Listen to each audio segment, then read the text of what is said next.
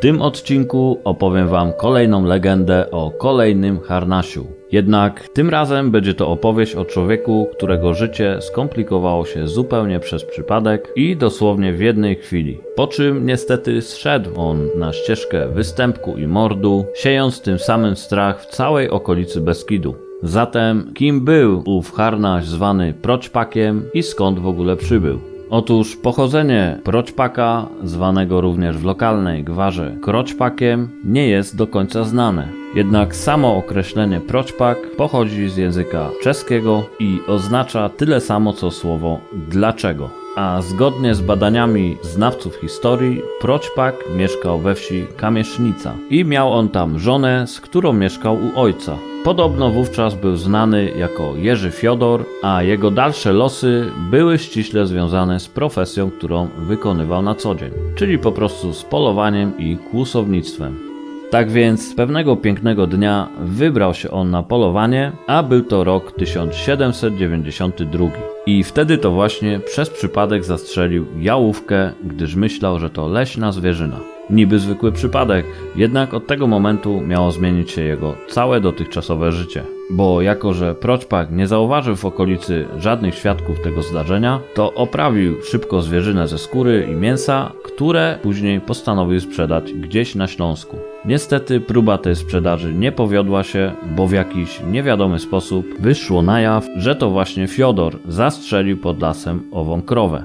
W krótkim czasie kłusownik został pochwycony i aresztowany, po czym wysłany do więzienia w Wiśniczu. Po pół roku uciekł jednak i ukrył się przed prawem u swej żony. Ale wymiar sprawiedliwości nie zamierzał odpuścić i postanowił za wszelką cenę złapać Fiodora. Dlatego też natychmiast wysłano za nim list gończy, przez co ten, wyjęty spod prawa i skazany na banicję, uciekł do lasu, gdzie następnie ukrywał się przed władzami. Między innymi zbójnik udał się tam też po strzelbę, którą po niefortunnym polowaniu na wszelki wypadek schował w spruchniałym buku, dzięki czemu miał wszystko, czego mu trzeba, tak do polowania, jak i do obrony, po czym szybko powrócił do kłusowania, tak jak robił to wcześniej. Mówi się, że podobno po jakimś czasie Proćpak często przynosił żonie upolowane zwierzęta, pieniądze i kosztowności. A co do zbujowania Fiodora, to zaczęło się tak. Przemierzał on okoliczne lasy bez celu i pewnego dnia spotkał kłusownika takiego samego jak on, który to zapoznał go z następnymi dwoma a byli to kłusownicy mieszkający w leśnych szałasach, całkowicie wyjęci spod prawa. Uciekli oni do lasu, gdy władze feudalne zaczęły ich ścigać za mniej lub bardziej poważne przestępstwa. Po czym osiedli w owym lesie na tak zwanej Baraniej Górze. Niestety cierpieli oni tam na niedobór zwierzyny łownej, co niestety zaczęło być coraz częstszą przyczyną napadów rabunkowych na gościńcach i duktach leśnych i pierwszymi ofiarami grupy Proćpaka stali się dwaj kupcy węgierscy zmierzający z towarami na ziemię polskie. Zbójnicy zażądali od nich oddania całego towaru i wszystkich pieniędzy. Jednak Węgrzy nie zamierzali poddać się bez walki i podjęli próbę obrony. Bezskutecznie, bo jeden z kupców został natychmiast zastrzelony przez Proćpaka, za to drugi, choć nie stawiał już oporu, to nieco później jako ewentualny świadek na wszelki wypadek też został stracony. Także pierwszy napad, jakiego dokonał Proćpak, stał się ewidentnym przejściem z kłusownictwa do napadów i kradzieży ze skutkiem śmiertelnym, a z biegiem czasu liczebność jego grupy stawała się coraz większa, a metody ich działań coraz bardziej okrutne i coraz bardziej zuchwalsze. Bo zbójnicy ci, oprócz tego, że dokonywali rabunków, to też okrutnie znęcali się nad swoimi ofiarami, przez co blady strach padł na okolice i na wędrownych kupców. I jakiś czas po tym sześcioosobowa grupa zbójników z proszpakiem na czele postanowiła udać się do Zawoi, by tam obrabować miejscowego proboszcza. Ich dokładnie przygotowany plan polegał na wywołaniu organisty z zachrystii, któremu potem kazano, by ten przekazał proboszczowi, iż jest on potrzebny z wizytą u chorego. I zastraszony organista bez większych protestów wykonał polecenie zbójników. Po czym proboszcz, gdy tylko usłyszał słowa organisty, natychmiast nakazał gospodyni otworzyć drzwi. Wówczas zbójnicy wykorzystali sytuację i pochwycili ową kobietę, a przestraszony całym zajściem proboszcz oddał im cały swój majątek, którego nie było wiele, ponieważ liczył on sobie zaledwie 112 zł.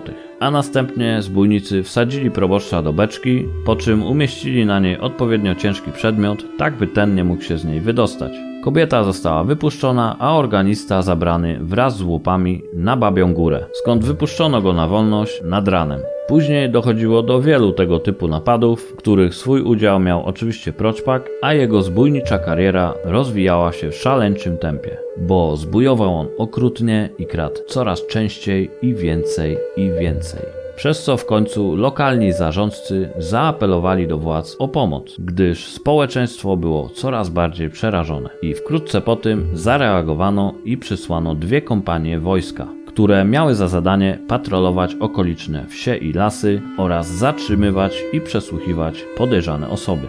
Jednak sami zbójnicy nie przestraszyli się tego ani trochę i grasowali po okolicy bez jakichkolwiek oporów czy też obaw. Jednak pewnego dnia pojawiła się nadzieja dla wojska. Nadzieja, że może w końcu uda im się złapać Proćpaka i jego pachowców, bo do szałasów niejakiego Bacy Szczotki, wypasającego owce w Milówce, przyszli czterej zbójnicy gdyż owe bacowe szałasy były od dawna znane jako miejsca, w których spotykali się zbójnicy, tacy jak Proćpak, ale też jego poprzednicy, jak choćby Bury czy Portaż. I po tym jak nie otrzymali oni strawy od owego bacy, między nimi a szczotką rozpętała się awantura, po czym zdenerwowani udali się ze strzelbami do lasu. Oczywiście od razu powiązano ich z proćpakiem i natychmiast zawiadomiono wojsko. A po długich poszukiwaniach w lesie znaleziono zbójników, po czym ich pojmano i skrupulatnie przesłuchano. I okazało się, że owi zbójnicy często bywali w szałasach Szczotki i często spotykali się tam z Proćpakiem i jego brygadą.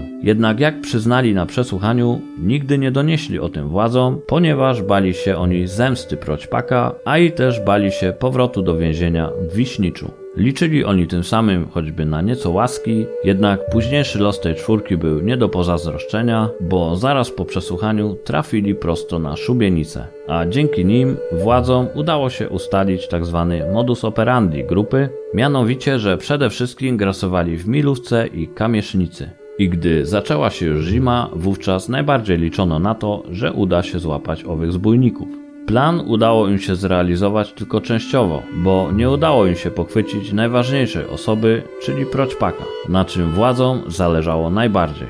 Ale jak to mówią, szczęście nie trwa wiecznie i każdemu kiedyś noga się powinie.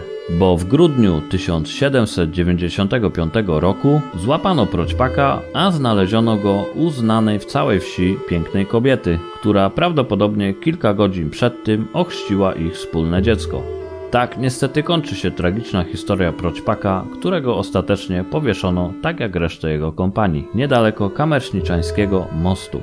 A oto krótka ludowa przyśpiewka na temat Proćpaka. Oj, nie ma nad proćpaka tęższego chłopa. On, kiedy pon jaki ma kabot złocisty, cyrowane chodaki, pas strymiennisty cysty, a za pasem toporek i dukatów worek. Nie dba on na dworek, ani na wojaka, choć i trafi na zucha, on ci zginie kieby mucha. Choć i tysiące góroli, on się im wysmyknie, jak toporkiem piznie, jak z rudnicy wypali, tak uciekaj kto może, bo zginie z nieboze.